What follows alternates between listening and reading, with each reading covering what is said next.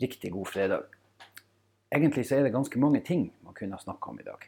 Eh, det er ganske nærliggende å snakke om Greta Thunberg. Eh, jeg er av dem som har latt meg både inspirere og imponere over 16-åringene fra Sverige. Og så er jeg av dem som er skrekkelig lei meg over alt grumset og møkka som renner ut av bunnen på Facebook om dagen. Altså Folk må for min del gjerne være klimaskeptikere hvis det fortsatt er noen som tenker at, det, at, at, ikke, at ikke klimakrisa er menneskeskapt, så, så, får dere gjøre det. Eh, det. Det får til dere, og så får vi gjøre opp regnskap om noen år og se hvem som, hvem som hadde rett, dessverre. Det, jeg tror nok at flertallet av menneskene på jorda er vel på sporet av, av sannheten. Men, men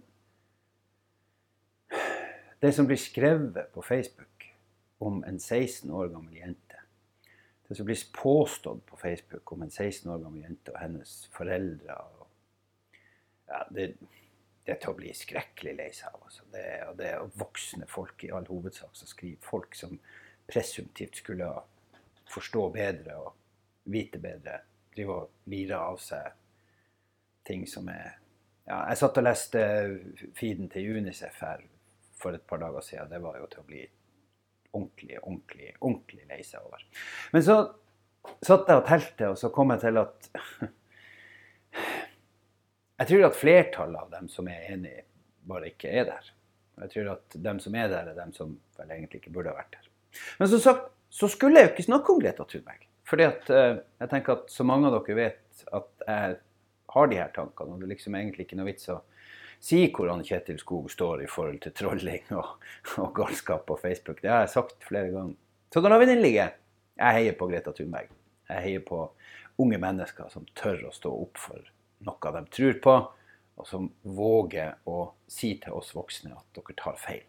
Dere gjør ikke nok. Og som våger å stille krav til oss voksne. Vi må ha unge mennesker som våger å stille krav til oss voksne. Og vi voksne må bare erkjenne at vi ikke har gjort nok at vi har en lang vei å gå, og at de unge menneskene som kommer etter oss, kommer til å stille oss til doms. Det må vi leve med. Så kunne jeg selvfølgelig ha snakka om, og det burde jeg jo gjøre, og så gjør jeg det. Jeg har lyst til å si til Linda Fjellheim, og for så vidt alle andre som stiller opp på sånne saker, tusen takk.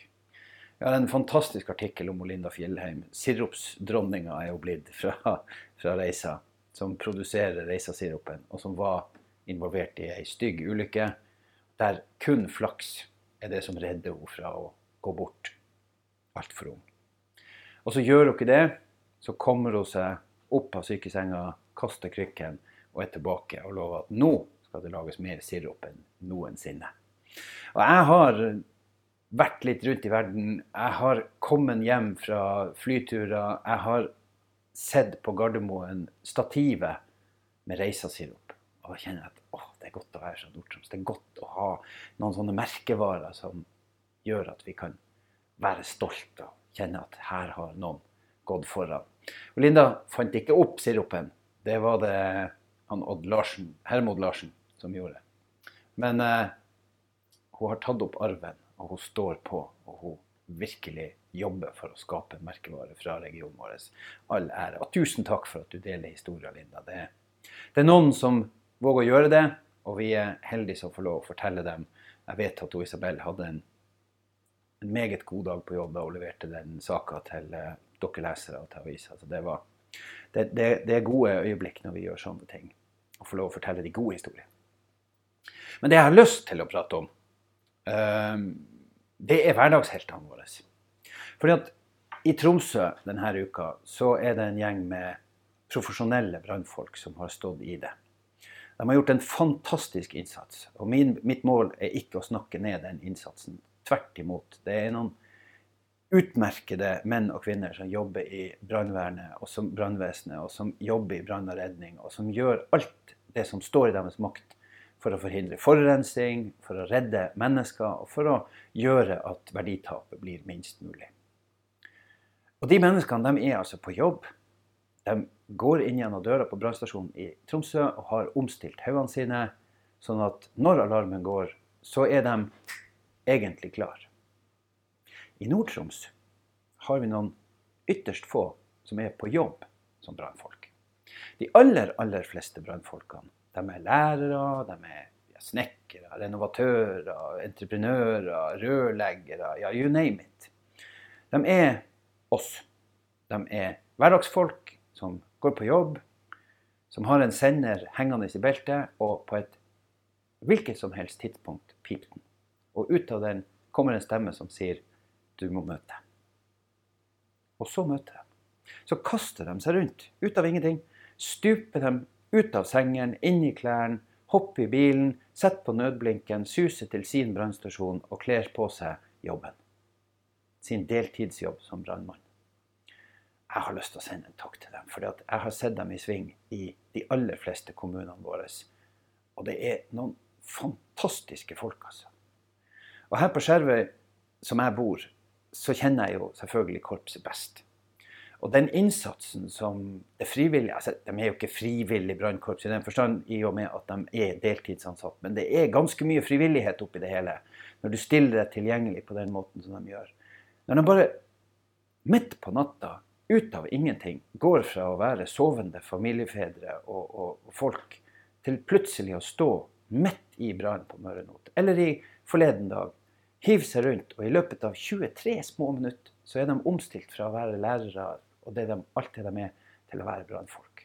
Det er en fantastisk jobb som jeg syns at vi alle skal applaudere, og som vi skal gi et skikkelig klapp på skuldrene til de her folkene. For det, ja, de gjør alt som står i deres makt for å sørge for at liv og helse og så utstyr og hus og heim og hva det måtte være, skal sikres og reddes.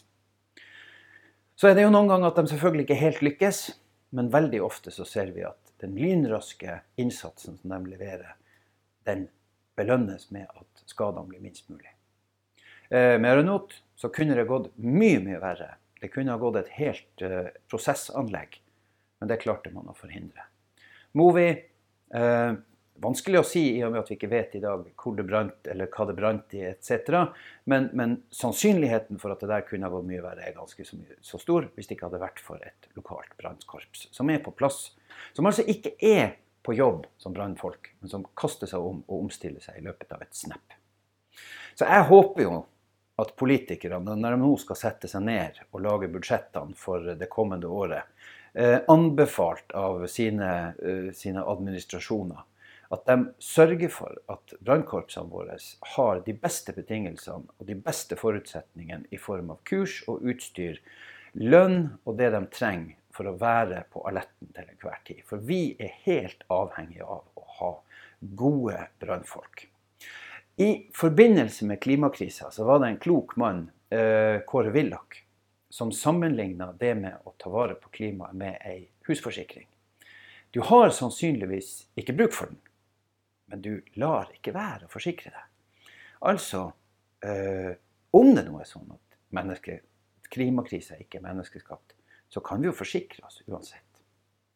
Og i brannberedskap så er det sånn at vi har stort sett ikke behov for dem, men av og til, på et sånt knips, så må de være klar. Det kan gå måneder imellom hver gang brannfolkene er i aksjon. Men når de er i aksjon, så er de nødt til å være tilbake til der som de var for kanskje en måned eller to siden. Og Det gjør at eh, vi som lokalsamfunn vi må sørge for, uansett i hvilke kommunene våre vi bor, at de her deltidsbrannkorpsene våre fungerer 100% sånn at vi er sikre på at de kan bistå oss som best de kan. Eh, de har veldig lyst til å hjelpe oss, men da må vi gi dem forutsetninger. Og Det er min bønn til eh, korpsledelser og til politikere, det at vi sørger for at brannkorpsene våre er skikkelig up to date. Med det så har jeg lyst til å ønske dere en god helg, fordi at uh, ute så er plutselig høsten blitt vakker. Fra å være litt sånn mørk og grå og kald og hustrig, så skinner sola.